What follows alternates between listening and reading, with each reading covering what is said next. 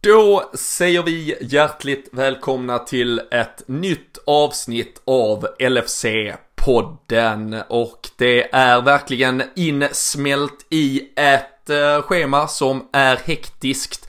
Utav bara helvete får man väl faktiskt, även om orden ursäktar, säga. Det känns som det är match var varannan dag just nu och eh, egentligen från nu och framåt så går vi ju faktiskt in och växlar upp Nästa vecka är det ju, eh, ja, eller från lördag till lördag ska det ju spelas fyra matcher och eh, på två kontinenter. Så det är fullt vad gäller Liverpool-matchande och det kommer såklart också vara fullt vad gäller LFC poddande. Vi kommer finnas här för er för att se till att vi tillsammans tar oss fram och igenom denna period. Det kan vara bra att hålla en varm Liverpool-vän i handen när det händer så här mycket som det gör nu. Och vi gör såklart också det här tillsammans i vanlig ordning med den svenska supporterklubben. Men däremot så finns den inte längre på lfc.nu. Den eh, har väl i stort sett blivit liksom känd i folkmun för just eh, vara LFC.nu. Men efter eh, 20 år så landar den numera på hemsideadressen lfc.se. Det är såklart egentligen en självklarhet att Sveriges största internationella supporterklubb ska finnas på kanske lite mer då korrekt webbadress och efter tunga förhandlingar med en cypriot som satt och ägde den där eh, adressen så har det gått i hamn. Eh, det är vi väldigt glada för och eh, ni behöver såklart inte göra något storartat för att komma rätt framöver. LFC.nu kommer ju såklart att skicka er rätt men kul vetskap och det kan väl vara bra att ändra. Så LFC.se är det som gäller framöver för den svenska supporterklubben och man kan ju sannoliken säga att det har brunnit inne på den där hemsidan idag vi ska ju prata mer om vad som har varit nyhetsbomb idag eh, lite längre fram här. Men eh, vi eh, tackar i alla fall supporterklubben i vanlig ordning för att de är med oss och ni hittar dem som sagt från och med nu på lfc.se. Nu ska jag se till att hitta en kompis som har dykt upp från snön i Salzburg och nu sitter han här i värmen och vi ska få höra allt om hur det var där nere och prata om mycket mer kring Liverpool. Det är Jocke Lundberg som är tillbaka i LFC-podden, så ni hör, det är ett kanonavsnitt att vänta.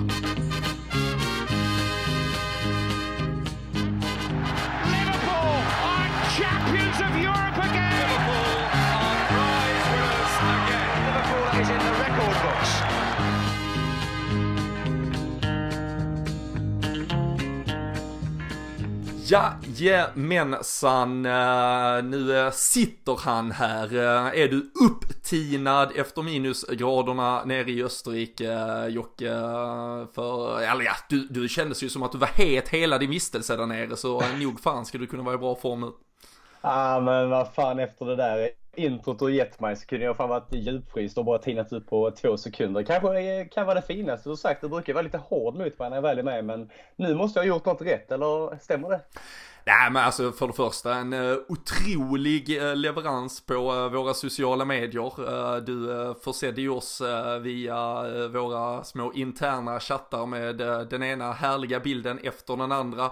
Christian Andersson satt ju här och spelade in avsnittet inför Salzburgsmatchen. Då hade ju du och vår kära gemensamma vän Oskar som tog en lång tripp gjorde ni ju via Makedonien, Nordmakedonien för att vara exakta och Skopje. och då låg du i badkaret med två bärs och då kände Christian, ja det är kanske 2-0 och det blev ju 2-0 och eh, sen var det ju idel, ehm, ja men stormöten eh, när du eh, lullade runt på stan väl i Salzburg. Det var först Ernst Kirchsteiger och lite julmys och sen så var det Niklas Holmgren som stod och skrek in i kameran. Så jag vet inte. Hade jag haft möjlighet att ge dig lön så hade du fått ökning känner jag i alla fall. Men uh, nu får du ta det, den här lilla, lilla hyllningen från mig som uh, någon form av klapp på axeln. Nej, sensationella nyheter. Det har varit lite tugg på det här på Twitter mitt kontrakt för nästa år. Men det känns ju som att det ligger ganska nära till hands på en förlängning då eller? Ja, och uh, som vi uh, väldigt snart ska komma till, när man nu förstår att du eventuellt har haft ett finger med i spelet bakom uh, en värvning här också, så kan man ju inte annat än att vara stolt över dig. Det, ja, man har, man har fått se en, det var en pojke som åkte iväg, en man som har kommit tillbaka. känns som du har varit liksom gjort militärtjänstgöring i stort sett. Ja, det är helt sjukt det här. Vilket intro. Jag kan, inte, jag kan inte släppa det. Jag har aldrig varit med om detta. Fasen alltså, vilka tider man lever i. Ja, men det, det har vi väl konstaterat i och för sig. Det är ju uh, good times to be a red och ja, uh, då ska det, det få... känns ju både som att jag pikar, du och min relation pikar och Liverpool pikar. Vi har aldrig mått bättre än någon av oss. Nej, och om några dagar så åker vi till Qatar också. Så livet är, det är, inte, det är inte skitjobbigt just nu helt enkelt. Nej, det är topp fem som vi brukar säga. topp fem liv helt enkelt. Nej, så eh, är det. Men eh, vi ska eh, prata lite mer om hela trippen till Salzburg, alla intryck därifrån såklart. Vi ska summera Champions League. Vi ska ju faktiskt också titta på, för du och jag satt ju här direkt efter Champions League-lottningen den sista augusti. Lite härligare väder var det väl visserligen då, men sen har ju fotbollen värmt en under hösten och vi ska nog kunna värmas med den längre fram också. Men men vi ska se lite hur vi egentligen tippade, tänkte och vem av oss som hade flest rätt egentligen. Vi ska såklart prata upp eh, Watford till helgen, men eh, vi kan väl inte liksom eh, dansa runt gröten allt för länge, utan det som är mest intressant och spännande idag är ju den nyhet som briserade i morse, nämligen att just Red Bull Salzburgs Takumi Minamino Eh, verkar vara så gott som klar för Liverpool, kommer bli Liverpool-spelare per den 1 januari såvida han klarar den medicinska undersökningen. Och det är ju till ett rent, ja, rånpris på vad som uppges vara lite drygt 7,25 miljoner pund, en utköpsklausul som lite komiskt då som även James Pierce twittrade ut eh, motsvarar ungefär samma pengar vi fick för att släppa Ryan Kent som konkurrerade på ungefär samma position till Glasgow Rangers. Eh, det här är väl så mycket, mm, ja, checkade boxar på en egentligen, ja, paketerad supervärvning på alla parametrar som det bara kan bli.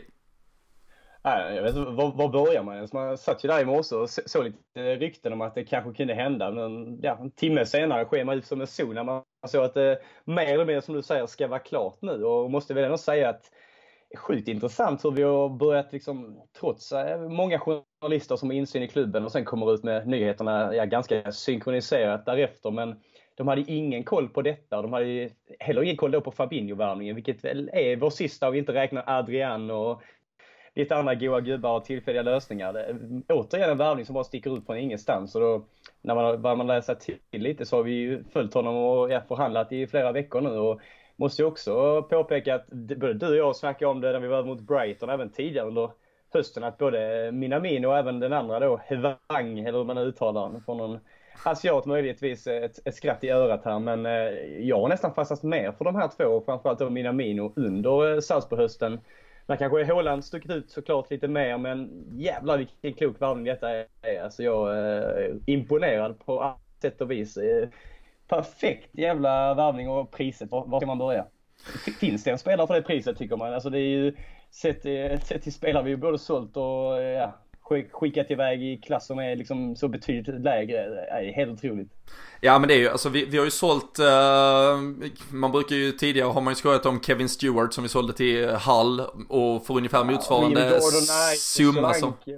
Ja Ja men alltså bara om du bara tittar på spelare i den eh, samma prisklass, alltså runt en 80 eh, miljoner ungefär, så har vi alltså sålt eh, Kevin Stewart till Hull, vi sålde Rafa Camacho till Sporting i somras och eh, vi sålde Ryan Kent till Glasgow Rangers. Det är ungefär samma pengar som vi nu alltså hämtar en i alla fall på, alltså för europeisk fotboll, det är klart att han har gjort sitt största avtryck i Österrike, men han har spelat ett par Europa League-sessioner, han har gjort det väldigt bra den här Champions League-hösten, så han har ju alltså på någorlunda hög nivå faktiskt och framförallt över tid och dessutom i det japanska landslaget bevisat sig och eh, att då kunna hämta en spelare för den här pengen. Och vad som uppges är ju att även Manchester United har visat ett visst intresse, de har liksom, de försökt inleda lite förhandlingar men de hade faktiskt inte ens vetskap om hans utköpsklausul. Och sen dessutom då att Liverpool faktiskt verkar ha etablerat en kontakt för ett par veckor sedan så de var ju faktiskt, de låg i framkant där och då och eh, sen kan vi komma in på det men det verkar också som att Liverpool uppenbarligen har börjat eh, arbeta upp en ganska fin relation till hela det här Red Bull-konsortiet. Eh, det var ju Naby Keita kom ju via Leipzig, eh, även han fostrad i eh, Salzburg. Han är ju verkligen en som har gått genom alla led Eh, i, eh, ja, genom de två klubbarna och sen vidare till Liverpool. Sadio Mané, uh, fostrad i Salzburg, även om det var via Southampton vi hämtade honom. Men eh, det, det känns som att Liverpool har eh, arbetat upp en väldigt bra relation där. Jag tycker också när man har hört Salzburg, både spelare och ledare, prata tidigare om liksom en respekt för Liverpool och eh, även idag då så var ju sportchef, eh, ska vi se vad han heter så att jag inte eh, lurar någon. Men eh, jo, Christoph Freund var ute och eh, kommenterade de här nyheterna och det kan man väl också då ta som ett absolut tecken på hur nära den här affären är. Um, annars tror jag inte att de går ut via sina egna kanaler så att säga. Det är ju klubben, klubbens officiella kanaler som går ut med att då Christoph Freund kommenterade med att han kan bekräfta att eh, det för närvarande förs en dialog med Liverpool och det är en ära att klubbar som Liverpool är intresserade av vår spelare. Ehm, så ehm, det tycker jag också bara egentligen spär på lite med eh, att det försöks nog byggas kanske en relation och eh, vi vet ju alltså spelare som fostras igenom ja, men både akademierna och eh, egentligen sättet som både Salzburg och Leipzig spelar fotboll på är ju till mångt och mycket hand i handske vad gäller Liverpools spelstil, i alla fall nu under Jürgen Klopp. Så eh, det känns som att man kan säga väldigt mycket om det kommersiella, ägarstruktur och annat. Men tittar vi på det liksom krasst sportsliga så eh, känns det ju som ett väldigt naturligt led att eh, gå i de regionerna och leta framtida fotbollsspelare för Liverpool. Ja, jag håller med dig i allting, men återigen, om man bara kollar så det har alltid varit de här uttalandena om rätt spelare finns tillgänglig så finns vi där liksom och är redo. Och, och just Minamino tickar ju varenda möjliga box. Han är liksom ung, 24 bast, eh, har ju framtiden framför sig och en enorm utvecklingspotential så även under Klopp. Och sen lite som du var inne på det kommersiella, öka profilen på asiatiska marknaden. Vi har varit inne eh, på det här förr, du och jag, när vi snackat om Nike New Balance-avtal och sånt och det lär ju bli Nike nu och en gubbe på asiatiska marknaden eh, är ju inte fel heller och Liverpool värderar jag honom tre gånger som mig och då vet man ju också att även om han skulle bli ja, tidernas flopp och eh, så lyckas ju ändå Michael Edwards sälja honom för ja, 15-20 miljoner. Liverpool ska väl värdera honom till 20 miljoner men eh, jag såg också lite så att stats och grejer som kommit ut här nu på sociala medier och jag vet inte om du såg hans eh, heatmap nu från matchen i, i tisdags och det är inte svårt att se varför Klopp är intresserad. Alltså det var ju varenda lilla gräsbit som var täckt eh, från honom och ändå lyckas han ju ständigt komma i farliga avgörande situationer samtidigt. Han är hela tiden ett hot, men mm. också fram och tillbaka och var väl ett snitt på ja, 12 kilometer per match. Och, ja, men verkligen eh, en riktig kroppsspelare och en, en gubbe som också kan vara på olika positioner i offensiva eh, Eh, eh, positionerna. Alltså han är inte bara en kille som spelar på ett sätt utan eh, vi kan ju använda honom till hur mycket som helst. Så jag tycker i varenda box var han med. Mm. Ja, verkligen. Och det var nästan komiskt. Jag skrev en krönika efter Salzburg-matchen. Eh, som eh, avslutades eh, med stycket i stort sett att ikväll visades ännu en ny blytyngd sida av ett Liverpool-lag som under 2019 inte räds en enda uppgift som de ställs inför. Och nu vill jag faktiskt inte höra ett enda ord till om Salzburg eller Erling Braut Haaland på ett tag. Däremot får det gärna surras lite om Wang He-Chan eller Takumi Minamino när transferfönstret öppnar i januari. Uh, ja, kan, det... kan det ha varit lite sms från Jocke Lundberg där i Salzburg att, att jag jobbar, jobbat fram med Mike Gordon på plats eller? Kan, eh, kan, eh, kan vara så, men jag, jag tar den ära jag kan tills alltså, vidare. Ruskig form på dig nu. Ja. Verkligen. Men eh, nej, vi äh, kommer ju såklart få, få återkomma i, äh, i ämnet, men eh, precis som du är inne på, vi kan ju bara ta lite stats för den som eventuellt inte har hunnit läsa in sig lika mycket på honom. fyller 25 år nu i januari, kom till Salzburg i januari 2015, så han kommer att ha gjort lite drygt ja, fem år ehm, eh, i, i klubben där. Eh, har eh, 136 ligamatcher eh, för dem, eh, 42 mål, 30 assist. Så Han gör ju alltså i snitt en poäng varannan match. Ganska välfördelat både mål och assist. Och han påminner ju väldigt mycket i i alla fall i arbetskapacitet om en Roberto Firmino. Han utgår lite mer till höger oftast, i alla fall har gjort den senaste tiden. Men eh, som du var inne på, tittar man både på heatmaps från aktuella matcher men också egentligen över flera säsonger och hur han har använts. Har ju använts överallt i den där fronttrion. Har till och med använts på mittfältet vid vissa tillfällen när det har behövt så att säga. Så han är ju en otrolig, har en hög arbetskapacitet. Jag såg några siffror också på att han springer över eh, 11 km per match. Tyder också på eh, otrolig löpstyrka och det vet vi att Klopp Uh, gärna ser hos uh, sina spelare. 22 landskamper för Japan, 11 mål i dem, snittar mål varannan match på den internationella scenen, även om kanske Japan inte alltid ställs mot absolut högstklassigaste motstånd, tyder ju också på en, uh, en edge liksom lite oavsett miljö han befinner sig i. Så, nej men det känns ju otroligt spännande och skulle ju också bli den första asiatiska spelaren i Liverpool på den här seniornivån nivån och eh, med, som vi var inne på, ett intåg från Nike till 99,9% till sommaren. Tycker också, jag vet inte om du har reagerat över det, fler och fler spelare i truppen som eh, postar bilder på sig själv när de bär Nike-skor och Nike-träningsoveraller. Så Andy Robertson senast eh, la upp något från Melwood där han stod i full mundering så jag tycker nu de har börjat smyga sig in en hel del. Men, nej men det, det känns ju så otroligt rätt och eh, löjligt egentligen att kunna värva för den här. Så alltså vi, vi ser ju gång på gång på gång alltså Premier League-klubbar på, i mitten och bottenskikt som behöver värva spelare för 30-40 miljoner pund för att det är så marknaden ser ut när du säljer till en Premier League-klubb.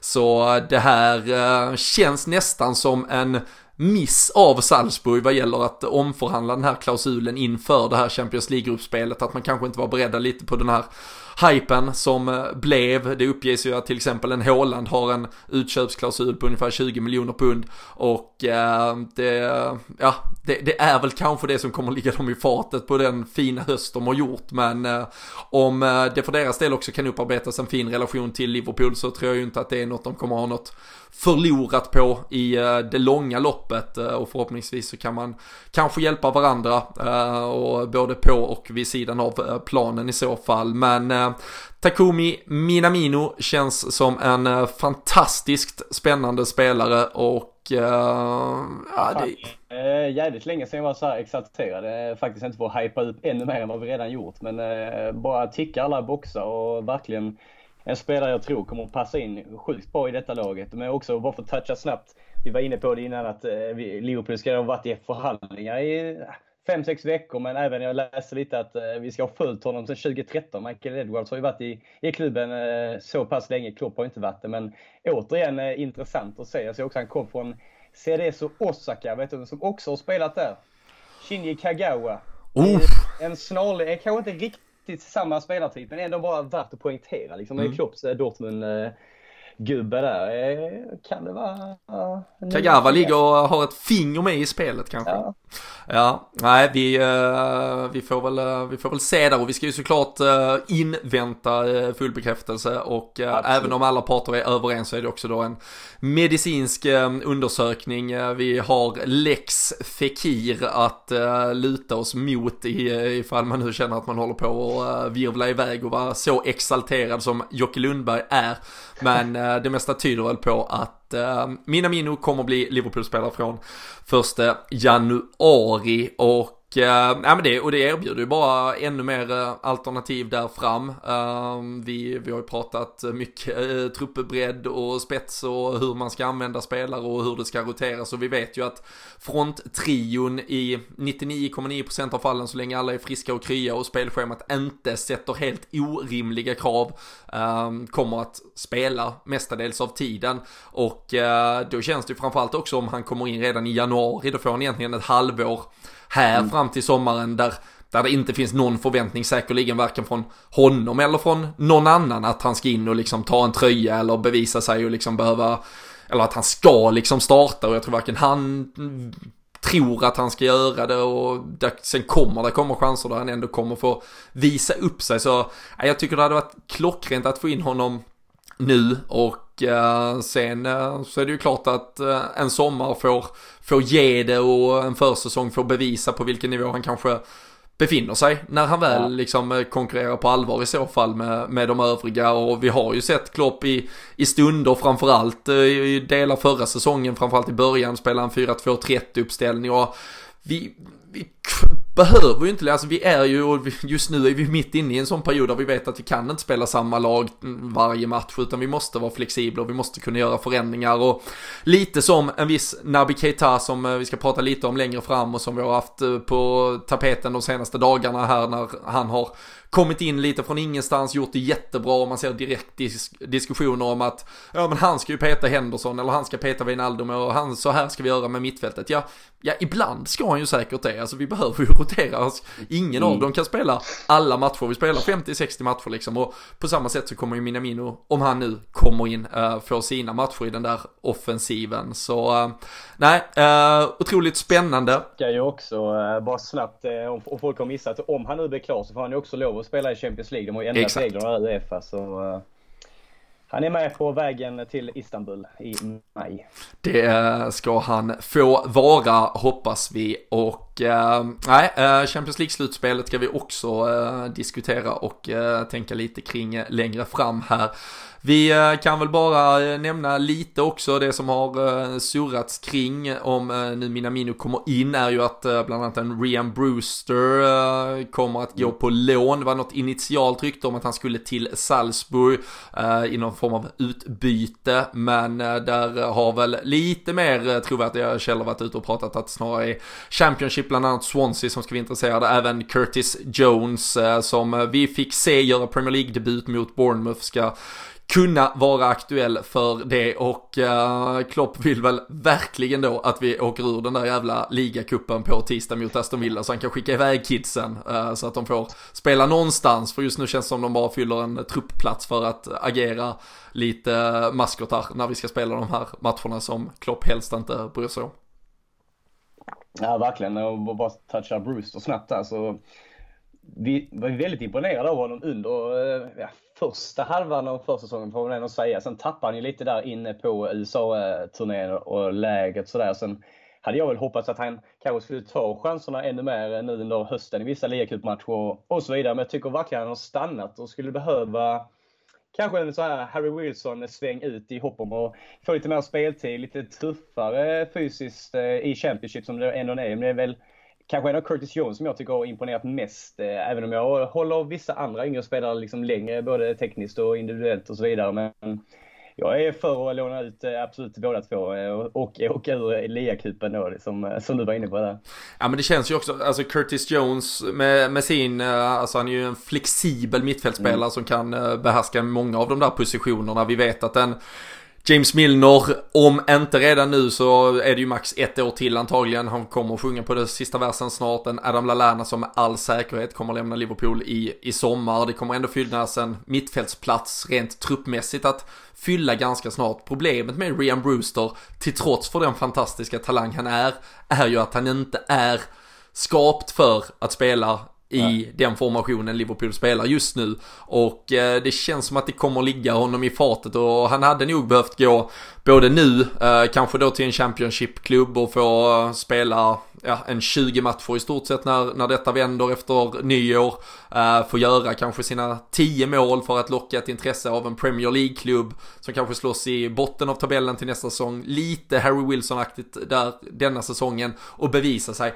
Men sen tror, alltså det ska mycket till för att han faktiskt ska ta steget fullt ut och bli en Liverpool-spelare, tror jag i alla fall. För jag tror inte det kommer att, ja, eh, spel, Setsmässigt så har jag svårt att se hans plats som annat än en inhoppare. Men jag tycker han har potential att vara mycket mer än så. Eh, och därför tror jag kanske att hans framtid ligger någon annanstans. Men ung, lovande engelsk eh, anfallare som eh, kanske först får ösa in lite mål i Championship och sen förhoppningsvis göra lite mål i ett Premier League-lag så, så kommer det ju också vara enorma pengar.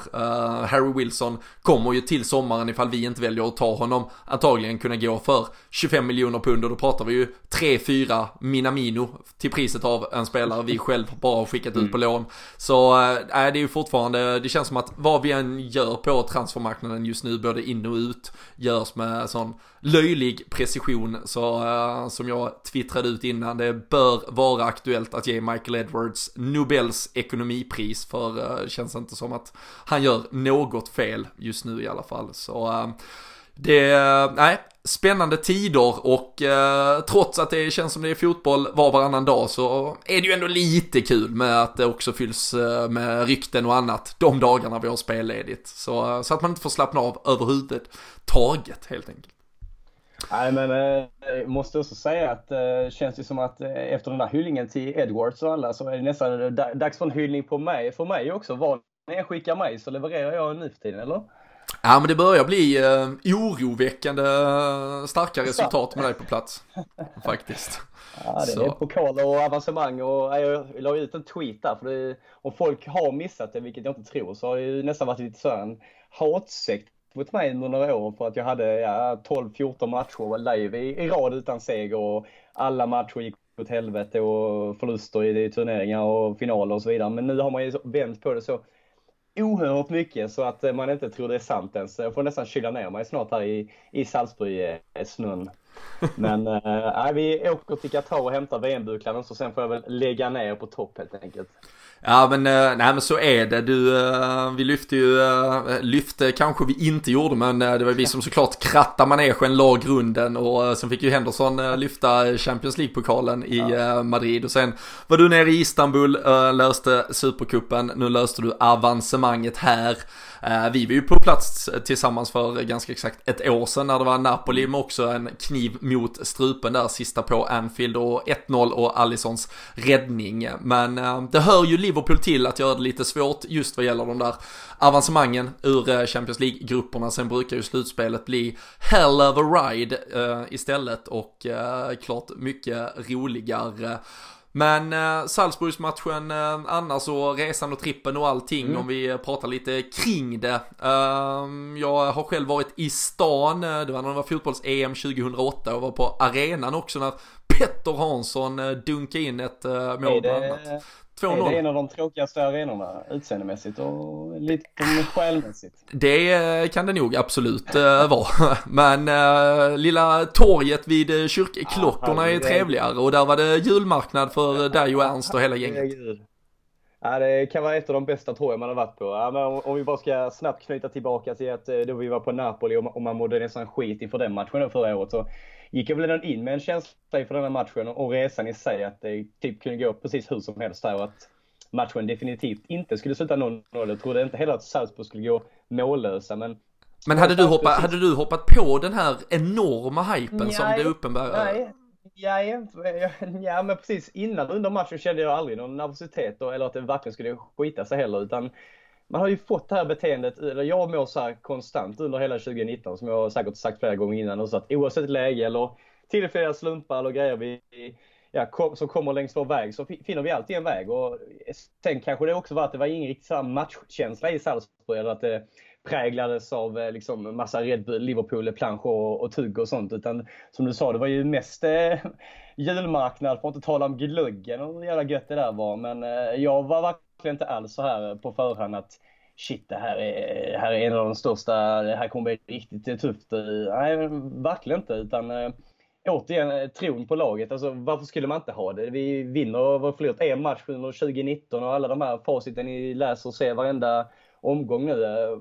Varför skulle vi vara det? Jag har ingen nervositet alls. Vad kände du hemma i, i soffan? Kanske lite annorlunda läge när man sitter hemma och går en hel, hel dag liksom och tänker och drar sig i håret eller vad det nu är. Nej men jag var ju, alltså jag var ju nära att nästan falla ner i uh, fällan och, och vara nervös för jag, jag kände det absolut inte själv. Ja. Alltså vi, vi har pratat lite om att, ja men hade man på förhand fått att, ja ni behöver ta en poäng borta mot Salzburg så går ni vidare från Champions League. Alltså då hade man, då hade man säkert tagit det uh, på förhand och inte ens behövt spela om det.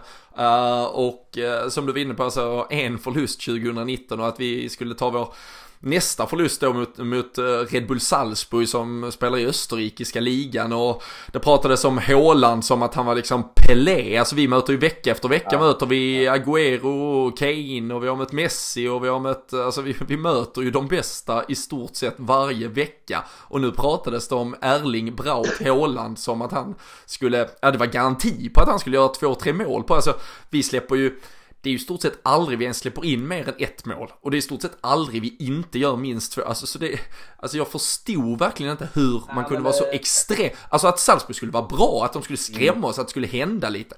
Fine, absolut. Men jag tycker också vi fick kvitto på, alltså vi såg ganska exakt det som jag, ja, och, ja men sen mm. såg vi också de första 20 minuterna det jag absolut kunde förvänta mig och det jag trodde att de, det är klart de skulle sätta full fart och de skulle ge det en chans. De visste ju att det var vinna för dem som gällde. Och det var klart att de, och jag tror bara de har ett sätt att spela. Jag var nog mer inne på att det som hade skrämt mig mer var nog om de också hade legat på att försvara 0-0 för att försöka trycka dit oss sista 10 genom att liksom lyfta långt och bronka och försöka få till tre hörnor och knoppa dit den därifrån.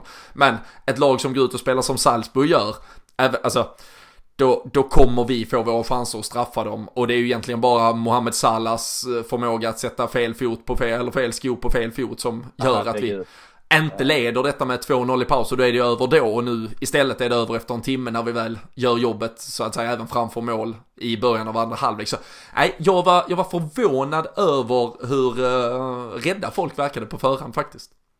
Ja, men klart man hade lite så respekt när man klev in där på arenan och liksom fattade ju såklart allvaret med det. Att det, det kan vara att vi vaknar upp i Europa League imorgon. Men det var inte liksom en procent av mig som ens tänkte på att det var möjligt. Och sen mycket florerar runt att Red Bull-arenan, eh, liksom att de har gjort det till en borg och tagit po poäng på flera stora lag. Man hade typ så en förlust på 73, 73 eh, raka hemmamatcher eller vad det nu var.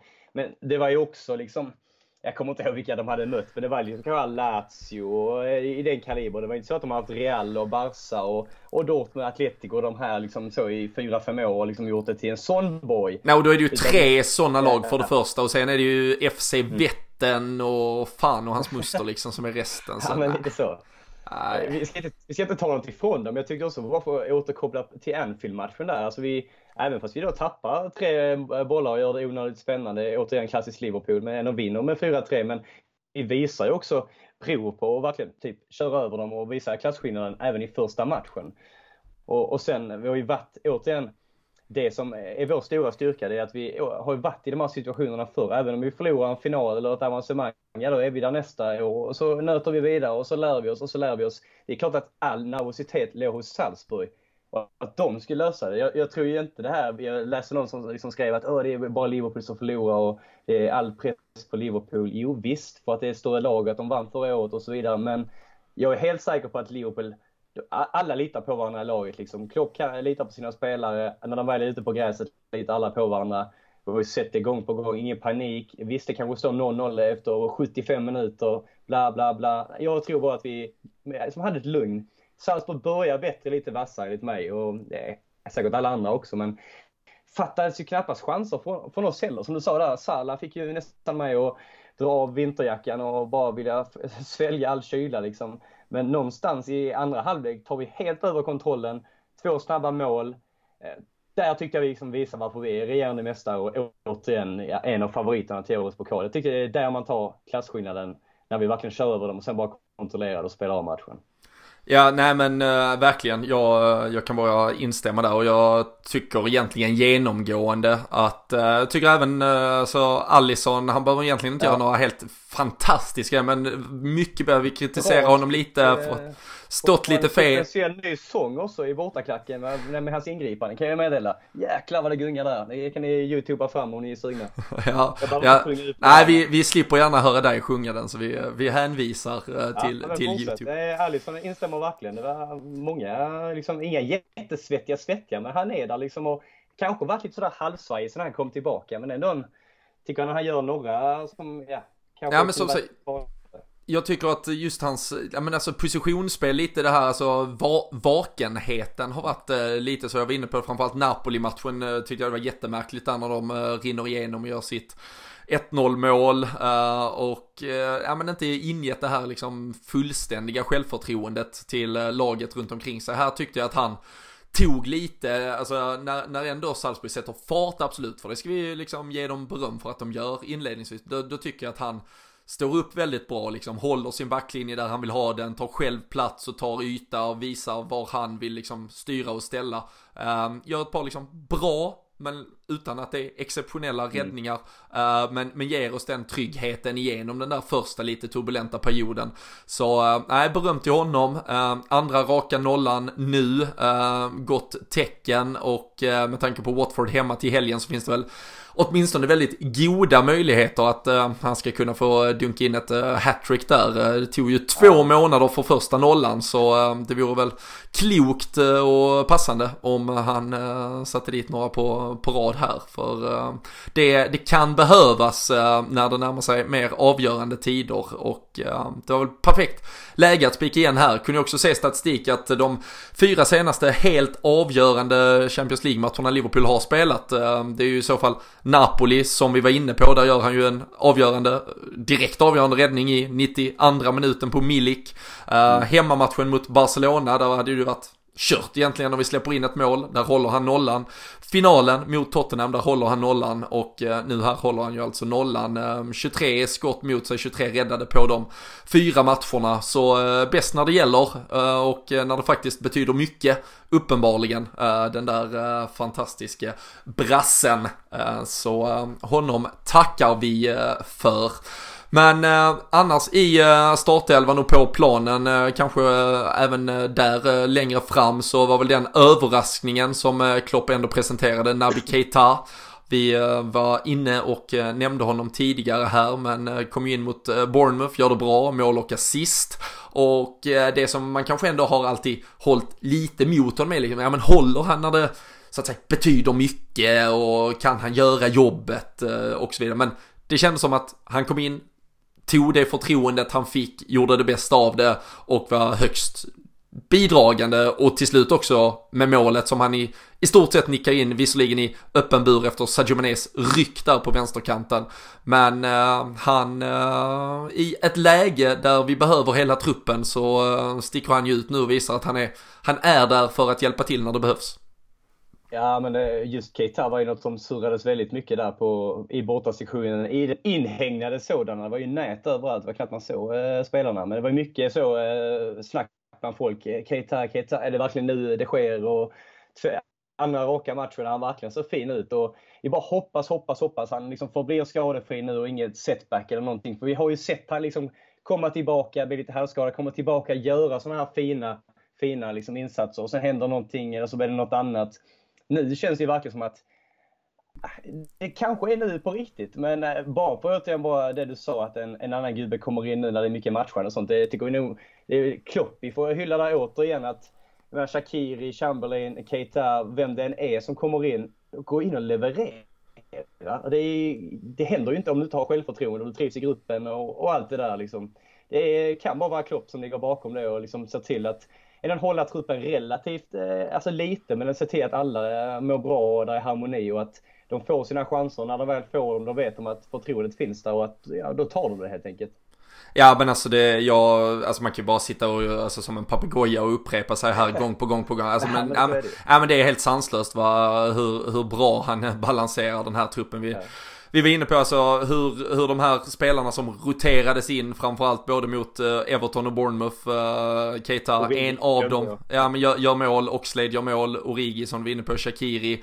Uh, han vilar ju i, i derbyt, vilar han Salah, Salah kommer in då och gör 1 plus 1 mot Bournemouth. Han, till slut är han ju den som avgör och sätter kniven i hjärtat egentligen på Salzburg med sitt sanslösa mål. Han bränner egentligen 3-4 superlägen och um, jag skrev det också, det kändes som att även om han hade lagt den liksom på mållinjen, målvakten hade stuckit och druckit eller något så hade han bränt det. Men när han får ett uh, helt galet läge som i stort sett är liksom uh, i höjd med förlängda mållinjen och med utåtskruv egentligen med fel fot och med högerfoten så hittar han någon eh, yta i, i bortre. Det är helt ja, sinnessjukt. Vilken eufori de där två, tre minuterna när båda målen går in. Alltså folk överallt och ingenstans. Trots det var lite sån här safe standing så var det ändå folk på stolar och folk som flög runt där. Herregud. Enorma scener. Ja, nej och nej, men också det men bara att han vilar, det, det, var kanske lite snack om att har han inte riktigt hittat formen och så vidare. Mm. Det kan man väl få tycka och tänka vad man vill men då, då vilas han mot Everton, uh, kommer tillbaka, har gjort uh, två mål på två matcher där och uh, ja, Watford har ju tidigare varit en favoritmotståndare för honom så han kanske kommer in igen eller fortsätter då med förtroende från start och då kanske vi får se det förlösas rejält man minns ju inte senast liksom där kom in någon annan eh, från bänken eller i, i truppen som startade. Man känner bara, vad fan gör han här? Vad tänker han med? Är du helt galen? Nej det är ju alltså, alltså vilken elva han än väljer känns ju, ja det var ju en bra elva igen liksom. Exakt så. Så, nej, äh, fantastiskt och äh, vi måste... Rekar, rekar dock bara snabbt för alla Salzburg, speciellt nu i juletider eller om ni kanske kommer in där som du under EM, det är säkert jävligt fint då. Så, eh, skit i arenan och, och, och, det där liksom. Men kör lite glögginvasion eller alpmys eller ett EM eller om det kommer dit. Äh, grym, grym stad. Fan är det de bättre tripparna jag gjort. Det var kanske för att du inte heller var med Robin. Ja, ja men så är det ju. Det, det höjer ju din upplevelse att slippa mig såklart. Men äh, nej, en äh, glögg, äh, en glögg på en julmarknad i Salzburg flankerad av Ernst Kirchsteiger. Det, det kan inte bli mer hardcore euro away än äh, så. Jag såg förresten, det var ganska kul. Ian Doyle tror jag det var en av journalisterna eh, som eh, täcker Liverpool eh, på, på närmsta. Han eh, hade liksom filmat så fyra, fem timmar innan match. Ett, ett, ett körgäng som stod i ett gathörn och sjöng lite julmusik. Så sa han Not like Napoli. och det var kanske kanske vilt, så, så, långt från varandra på liksom skalan man kan komma. Lite mer gästvänligt i, i Salzburg helt enkelt. Ja, verkligen. Det var, som, det var ju som dag och natt. Det, det är ju väldigt, ja, vi behöver inte toucha det nu, det är från en annan podd, men det är en rätt infekterad historia där som ni säkert sett innan vi mötte dem här. Viasat gjorde, gjorde ett litet eh, ja, reportage om Austria, Salzburg och Red Bull Salzburg. Så det var egentligen inga, inga riktiga fans om man säger så. De hade lite klick där bakom målet på kanske 30-40 man, men det var verkligen ingenting du märkte i stan eller ja, någon marsch eller något sånt där. Det var stilla och lugnsamt och trevligt. Eh, en fin eh, liten julvecka i december och Leopold är vidare. Och det är ju exakt så vi vill ha det. Eh, och eh, med det så kan vi också konstatera att den där segern gjorde att Liverpool vann Grupp E och är vidare då som gruppvinnare. Och eh, på måndag lottas eh, slutspelet eh, och lagen Liverpool då kan få möta är ju en grupp tvåa såklart. Men då är ju dessutom Chelsea och Spurs borträknade på grund av den nationsspärr som fortfarande gäller i åttondelsfinalerna och även såklart Napoli på grund av att vi har mött varandra i grupp gruppen. Eh, så eh, de alternativ som kvarstår för Liverpools del är ju Lyon, Atalanta, Dortmund, Atletico Madrid och Real Madrid. Uh, minns du att vi satt här för två och en halv månad sedan och försökte tippa på förhand hur det här skulle sluta och har du någon känsla för hur bra du egentligen var på att göra det? Ja, så jag har ju inte gått tillbaka och lyssnat men jag kan ju säkert tänka på att du har ändrat och eh, lite resultat och sånt eh, till din fördel eller? Men eh, jag, vet ju, jag kan ju ta en direkt ju. Som jag, som jag vet att jag hade rätt på. Det var ju att Dortmund skulle gå vidare och vad hade du där? Ja, där hade jag ju att Inter skulle gå vidare. Men jag tycker, du, du var jävligt självsäker på en hel del faktiskt. Jag tycker vi gör så, vi kan, vi kan lyssna Vi lite på, vi, vi börjar lys, lyssna lite på hur det lät eh, från en mycket självsäker uh, Jocke Lundberg eh, i augusti. Vill du höra, vill du höra kanske chocken eller så kanske inte det är chocken. Ge mig chocken. Chelsea går inte vidare. Där är det ju däremot svårt att sia på förhand, men jag säger att Lyon och Leipzig tar sig vidare. Eh, Det känns, alltså, det- det känns som att alla går vidare på något sätt. De känns ju lite så halvt jämnbra så alla borde gå vidare. Det här blir ju är tungt alltså. Ett, tävling. det, det borde vara att alla fyra går till Europa League direkt istället. ja, lite. Men eh, vad sa du nu? Lyon? Jag säger att det faktiskt är från pott 3 och 4 där, Lyon och Leipzig som gör det. Benfica tappat Joao Felix, du var inne på att Atletico har spännande nyförvärv, det är ju han som är stjärnan där. Ja, sen växer det alltid upp sju nya portugisiska talanger. Man inte kommer att veta namnet på förrän de plötsligt avgör matcher. Men eh, nej, Lyon och Leipzig. Nej, jag säger eh, Lyon och Zenit då. En tuff väderlek i november, december där med lite snö på Kretrovski eller vad fan arenan nu heter där i Sankt Petersburg. Eh, det, det blir så. Går jag emot dig också. Det är det bästa man kan göra. Ja, det tror jag nog också. Visst, eh, Bayern München har ju hämtat in eh, två fina nyförvärv här i, i sista veckan. Men jag skulle fan inte bli förvånad om Tottenham till och med skulle kunna vinna den gruppen. Eller vad fan tror du där själv? Eh, Visst, de har inte haft den, det bästa 2019. Eh, Jag har ju snackat om några gånger nu. Det Ja, nu gå i föll- helgen igen. Men, Föll du ner men, men, i men- To- Tottenham alltså, jag, blufffällan, vet du? Nej, men jag tror fan med. Visst, det är två tuffa bortamatcher där. Olympiakos Röda Stjärnan. Då får de veta att de lever. Det fick vi göra bland annat i Belgrad där. Men ja, det. Bayern det München tre- vinner den gruppen, så är det bara. Nej, Tottenham vinner. Så jag emot dig bara för det. Ja, men det är bra. Ja, Jocke, det var eh, Ja, Tottenham, eh, Tottenham vinna gruppen, eh, det var Chelsea, chocken, de skulle åka ut och vad var det mer? Det var Zenit ska vinna, men de är ju inte med Alltså, någonstans. Ska jag börja försvara mig så hade jag liksom, hade Mourinho kommit in tidigare hade de ju vunnit cupen. Nej, fy fan, såg du hur dålig han var mot, eh, mot dem igår? Nej, sk- skämt åsido. Visst, Chelsea var ju inte så dumt än- ändå. Det blev mer liv i den än man trodde. Alltså att Valencia och Ajax skulle ändå vara så pass, eh, trodde jag väl kanske ändå att någon, men att, att Valencia skulle vinna gruppen, eh, trodde vi det? Nej, det trodde nog ingen. Jag trodde att de skulle, nej jag trodde att, trodde jag att de skulle gå vidare. Nej, det trodde jag inte. Nej, det var Ajax och Chelsea. Ja men precis, men vi kan eh, ta eh, facit faktiskt för jag har eh, passat på att lyssna igenom hela för att ändå se hur väl vi kan de här Jag grejerna. lyssnar på F1, det känns som det här inte stämmer. Nej, eh, men eh, vi tippade rätt i grupp A, eh, Paris och eh, Real Madrid vidare.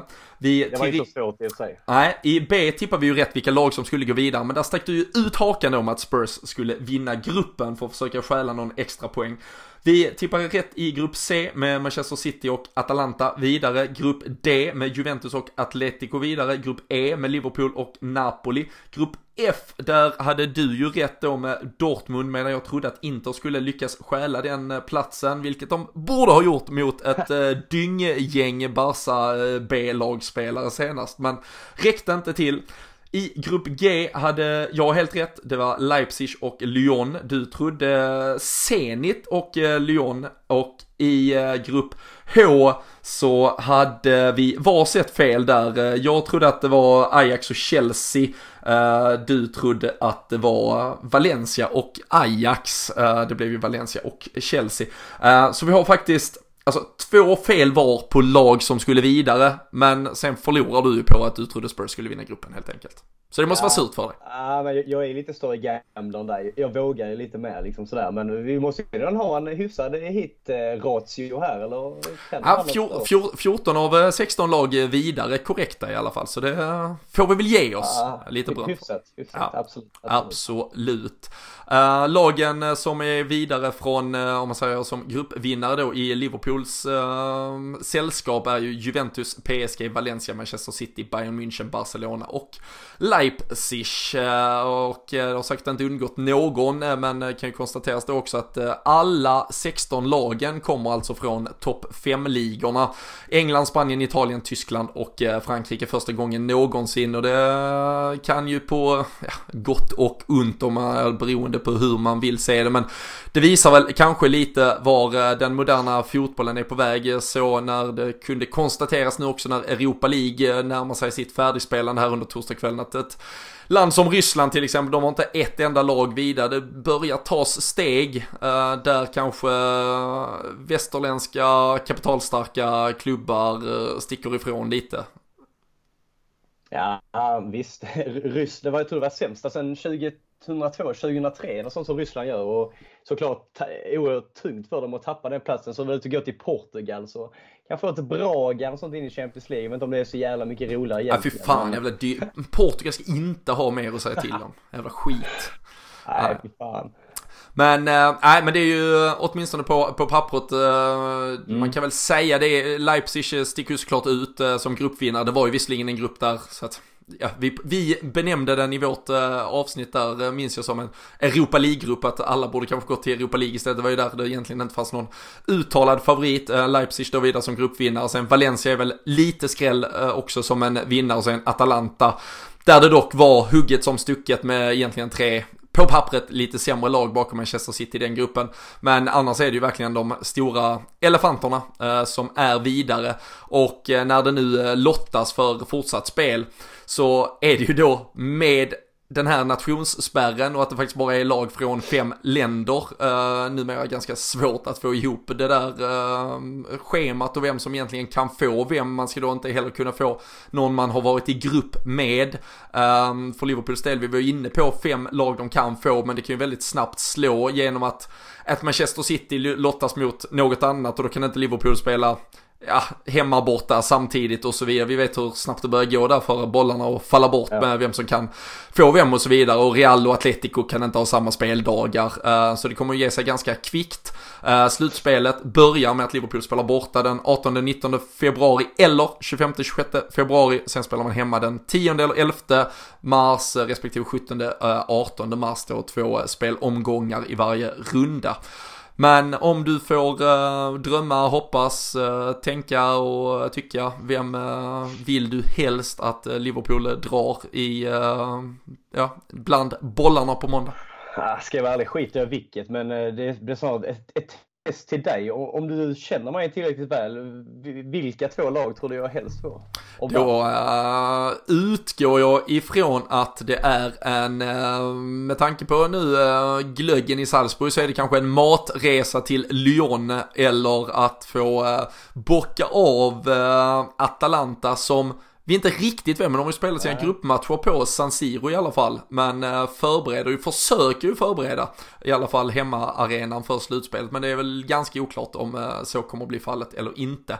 Men eh, Lyon eller Atalanta känns ju även sportsligt faktiskt som det på pappret ja, enklaste. Ja, verkligen. Nu är lite personligen så rese synpunkt och Sverige har redan börjat leta vingårdar i Lyon som du sa och Aperol i Milano eller Bergamo eller vad fan det nu kan vara liksom. Men det hade kanske varit rätt kul att få Real ändå och se liksom har ju bland annat gett lite under hösten här men att eh, få en, eh, en rejäl match hade inte varit fel heller. Och snärta till dem efter den där lilla Kive Kive-mardrömmen om man säger så. Men ska jag vara ärlig, bryr mig inte alls. Det känns som att eh, på förhand är vi laget som ingen vill möta om man säger så. Men Visst, sportsligt Atalanta eller Lyon eh, hade vi kanske liksom, ska inte underskatta någon, men det är säkert kunnat vila någon spelare om det hade behövts eller om någon hade gått sönder, liksom ändå kunnat klara det. Ingen underskattning återigen, men eh, och, och själv då, vad kör du där? Ja, men drö- jag tycker drömlotten på alla sätt och vis är Atalanta. Uh, folk pratar, alltså man pratar upp dem lite väl mycket. De, li- de ligger trots allt sexa i Serie A just nu, uh, har släppt in flest mål av lagen i typ även topp 11-12. Uh, eh, har liksom en, alltså en spännande offensiv. Uh, det är ett uh, fredigt lag. Men jag, jag tycker att det finns, där finns möjligheter för oss att, att, kunna straffa dem. Och jag tycker inte de heller har, även om ett Lyon också har gått väldigt tungt delar av den här säsongen så, så finns där ändå en spetskompetens hos ett par mm. spelare som jag tycker man bör eh, alltså, vara mer rädd för. Samma med Dortmund egentligen som inte har kommit upp på kanske full nivå uh, varje vecka här. Det har varit uh, klart problematiskt men växlar ändå upp lite, visar styrka just nu och där är också spelare som kan avgöra saker själv. Och uh, jag slipper gärna hela den här, ja men, någon form av lite så här mysig inramningen det ska bli ifall vi ska möta Dortmund. Någon, någonstans hade också, och bara toucha rejält snabbt, det var rätt kul om du och jag hade kunnat sluta den där cirkeln som vi alltid återkommer till när vi snackar hur det var förr, vet du vad jag menar? Ja, Fa Fabio Borini på Santiago Bernabéu. Det, vi är fan förtjänta av att se något mer spännande. Nu vill vi ha Minamino på Bernabéu istället. Ja, men verkligen.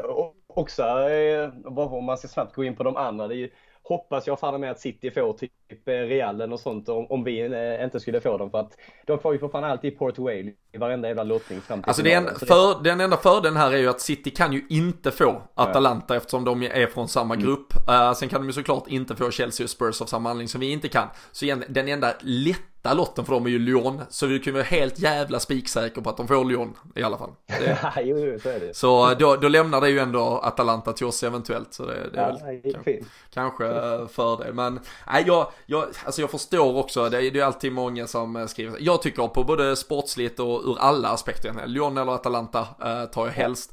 Uh, det är alltid många som är så här, uh, ja men fan ge oss Real direkt, svåraste möjliga så ska vi ge igen för den där jävla matchen och finalen och, och allt möjligt. Men som man tittar på nu, alltså det, det är ju så idel bra lag, alltså det är ju bara de allra största som är vidare så oavsett vem vi får nu så kommer vi få en av de riktigt stora bjässarna i kvartsfinal. Alltså där kommer det inte vara liksom längre möjligt att undvika någon. Så jag tycker ändå, kan vi göra det i första rundan så, så gör jag gärna det.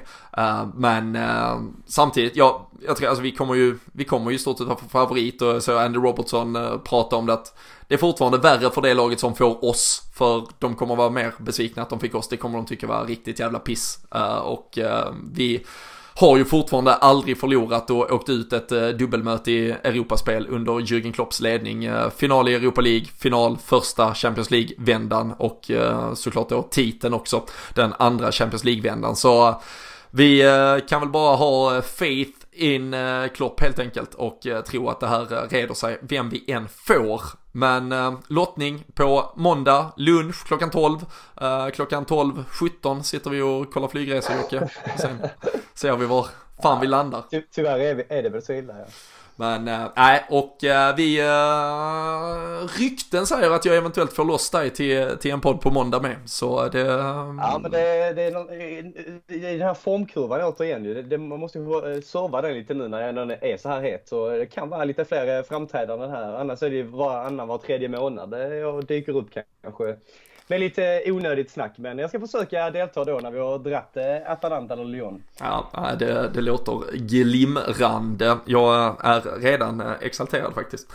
Är du det? Ah, nej, det vet jag fan. Det är jag inte. Men jag, jag, jag, jag försöker. Nu, nu har jag fan försökt uh, hypa dig i 53 minuter. Jag märker att det börjar ta slut på... Jag kan säga att den här podden ska laddas ner till ett bättre tillfälle och förvaras i, i olika kassavalv och allt vad det kallas. Ja. Guldreserver, den ska ligga så djupt. Det är så värdefullt. Ja, äh, Federal Reserve kan ha den till äh, sämre tider när äh, Trump har gått loss. Nej, vi känner att vi kanske är på spår som inte är helt aktuella just nu, så vi får väl försöka putta in oss igen och då är ju fokus avslutningsvis såklart på lördagens match, ett Watford som kommer till Anfield, där de som de tre senaste senaste gångerna har fått stor pisk med 6-1, 5-0, 5-0. Uh, det har varit uh, tunga tider för dem på Anfield, det har varit väldigt tunga tider för dem egentligen hela den här säsongen. De har bytt ut fler tränare än vad de har tagit segrar. Det har varit uh, två sparkade managers, men bara en seger i Premier League, 9 poäng just nu. Men eh, gamla Leicester-tränaren Nigel Pearson är nu inne, blev klar eh, inför förra rundan och då satt han på läktaren och såg dem spela 0-0 mot Crystal Palace. Uh, hoppas väl kanske lite sådär ändå generaliserande på att de skulle kunna få någon sådär Duncan Ferguson-effekt med lite sparka spring, eh, tajta defensivt, försöka organisera sig, blod, svett, tårar. Lite mer klassiskt engelskt om man får eh, säga så, än eh, den delvis spanska tiki-takan som har försökt införas i ett lag som kanske inte har hanterat det men inte ens det ska väl kunna stoppa oss från att köra över dem på lördag, eller vad tror vi? Nej, men det, det är bara att damma av denna. Alltså det, det finns inga ursäkter och som du säger det ska bli intressant att se hur, hur de spelar. Om det blir att bara kriga och liksom försöka få hålla nere siffrorna eller sno med sig ett kryss. Men jag tror inte det spelar någon roll. Det, återigen, det lär väl bli lite rotationer skulle jag tro. Inte för att det är Aston Villa på tisdag utan bara för att det är ett eh, fullspäckat schema och kanske lite så Nox och, och, och liknande på, på en spelare som var, spelar i Österrike. Men det är ju en helg när City har Arsenal borta och sen är det City och Leicester nästa helg när vi inte har någon match när vi spelar i Qatar. Det är West Ham som flyttas upp. Så jag vill gärna lyfta matchen lite så för att den väger ju så jävla mycket när City kan ha ett Arsenal borta. City kanske inte kan förlora flera poäng men det är nog ett Arsenal borta. Och sen är det då City-Leicester nästa helg. Det är ju liksom konkurrenterna som, som möts och att då liksom verkligen ha den här segern i bagaget. Eh, fan, det är viktigare match än man tror vill jag ha det till. Nej men det tycker jag. Det är ju vi också först ut eh, nu i helgen. Det är ju mm. tidiga mm. lördagsmatchen. Eh, kan ju lite sådär visa var, var skåpet ska stå direkt om, vi, om vi gör en bra match. Jag tycker inte liksom vi, vi, det är inte så att vi behöver vinna stort. Vi behöver Nej, vinna fan. kontrollerat. Ja. 2-0, 3-0. Jag tar vad fan jag får. Det handlar om resultatet. Eh, tror väl inte att eh, Arsenal är till någon hjälp om man nu tycker att vi skulle behöva det mot Manchester City den här helgen. Men just som du var inne på det här med att nästa helg så skjuts ju vår West Ham-match upp på grund av eh, VM för klubblag. Men där möts ju Leicester och Manchester City på Etihad. Har vi då gjort jobbet mot Watford, då kommer det ju minst inför det mötet vara 8 respektive 14 poäng ner till Leicester respektive City. City hemma på Etihad. Skulle de förlora den mot Leicester, då är de ju helt, alltså då är de ju helt körda. Då är de ju over and out. Då är de ju 14 poäng efter oss med en match mindre spelad. Uh, Ilkay Gundogan var ute och sa idag att luckan var för stor och att det är kört. Ja, och det, alltså egentligen, alltså i all realitet så, så är den ju egentligen är. Jag skulle aldrig däremot ta ut det i förskott. Men hade det varit omvänt så hade jag ju inte suttit här och trott på att vi skulle ta ikapp det. Men det är klart att allt kan verkligen hända så vi ska respektera också historieskrivningar om hur vi har ledat ligor vid den här tiden förr och det har hänt äh, saker som har gjort att vi inte har nått hela vägen in. Men äh, just det där, kunna vinna mot Watford, lagom komfortabelt, veta att vi då åker iväg för att spela på jag spelar VM istället medan då Leicester och City måste gå upp mot varandra eh, medan vi är borta och sen när vi kommer hem så möter ju vi Leicester på King Power Stadium uh, och uh, jag tror att City är så pass starka så att de kommer vinna mot ett Leicester. De kommer ju minst spela kräs, de kommer inte förlora hemma på ett. Jag kan inte se det hända. Det skulle dessutom vara en tredje hemmaförlust på, på den här, alltså redan på höstsäsongen här, vilket vore helt sinnessjukt egentligen. Och sen så möter vi då Leicester på Boxing Day. Skulle vi då egentligen göra allt annat än förlora så, så har vi då börjar vi ju distansera oss redan innan den här första halvan är slutspelad. Så det är, det, den, är, den är viktig på det sättet att alltså, vinsten ska bara bärgas mot Watford. Det behöver inte vara så vackert, ja. det behöver inte vara så pulveriserande. Men eh, se till att vinna så har vi eh, skaffat oss ett eh, fantastiskt läge för framtiden. Och eh, du var inne på eventuella rotationer, några eh, möjligheter och några förändringar kommer säkert att, eh, att öppnas upp. Um, Trent Alexander-Arnold har ju eh, vilats lite till och från. Vi var inne på att han vilades ju mot Napoli. Han eh, var ju även tänkt att vilas mot Bournemouth, men där kom han ju in när Dejan Lovren gick ut. Han är på fyra gula kort. Uh, ett gult kort mot Watford ifall han spelar gör ju faktiskt att han missar då med tanke på att West Ham är uppskjuten så missar han ju Leicester-matchen Eh, på King Power. Eh, lite seriefinalkaraktär på den då. Eh, vi vet ju hur Fabinho vilades när han var i samma situation och eventuellt riskera något mot Manchester City. Tror du att det är något Klopp tänker på inför lördagen mot Watford? Ja visst, det blir lite bara att sitta och tänka här på, på spelare som är till tillgängliga och så vidare. Lovren har ju sin halvskadade hamstring eller känningen eller problemet eller vad det nu är och, och Matip är ju borta. Och, är det då en Gomez som ska gå ut där eller jag vet inte vad du känner? Och sen även du har ju sagt det förr också att Robertson vilar ju typ aldrig. Men hur, hur får man ihop en backlinje då? Är det Milner och ingen Fabinho som kan spela mittback heller. Vad känner du där? Ja men alltså min, min jag, jag tror däremot att, uh, som du var inne med, Lovren har ju behövt uh, gå ut två raka matcher. Uh, så även om han, alltså om det har varit så pass lindrigt så att han sen känner sig fit för att spela några dagar senare så känns det ju som att det är mm. läge att vila honom nu. Sen kan han dessutom då komma till Qatar och det blir lite träning där. De kommer säkert kunna rotera i den första så att säga semifinalmatchen. Där tror jag att vi kommer att rotera säkert 6-7 spelare eh, för att sen då spela någorlunda ordinarie lag i det som blir en match om tredje pris eller final eh, på lördagen sen. Men eh, så jag tror ju att uh, Gomes går in som mittback tillsammans med van Dijk. Robertson tror jag behöver spela till vänster. Sen egentligen, jag tycker att Trent bör kunna spela och bör kunna kontrollera sig så mycket att han vet om att ta inte något dumt ja. kort. Uh, det ska inte behövas mot, alltså vi ska ju ha typ 74% boll och kunna vara ganska kontrollerade. Annars tycker jag att alternativet faktiskt är att flytta ner Jordan Henderson och spela som eh, högerback. Jag tyckte han har, ju, han har gjort det bra varje gång han har tryckt ja. ut till höger och behövt uh, vikariera. Jag tycker i alla fall hellre det än att vi om nu Trent ska vilas, att vi flyttar ut Gomes, dels för att det är en ganska dålig lösning i sig och dessutom att vi då chansar med Dejan Lovren igen och så kanske han slår upp det rejält. Så ska Trent vila, jag tycker och tror att han kommer starta ändå, så får han istället bytas av vad det lider. Men annars tycker jag att uh, Jordan Henderson eller James May, alltså jag tycker vi tar en av dem och trycker ner där. Uh, sen uh, tror jag att vi kan få se Oxlade tillbaka i startelvan på ett mittfält.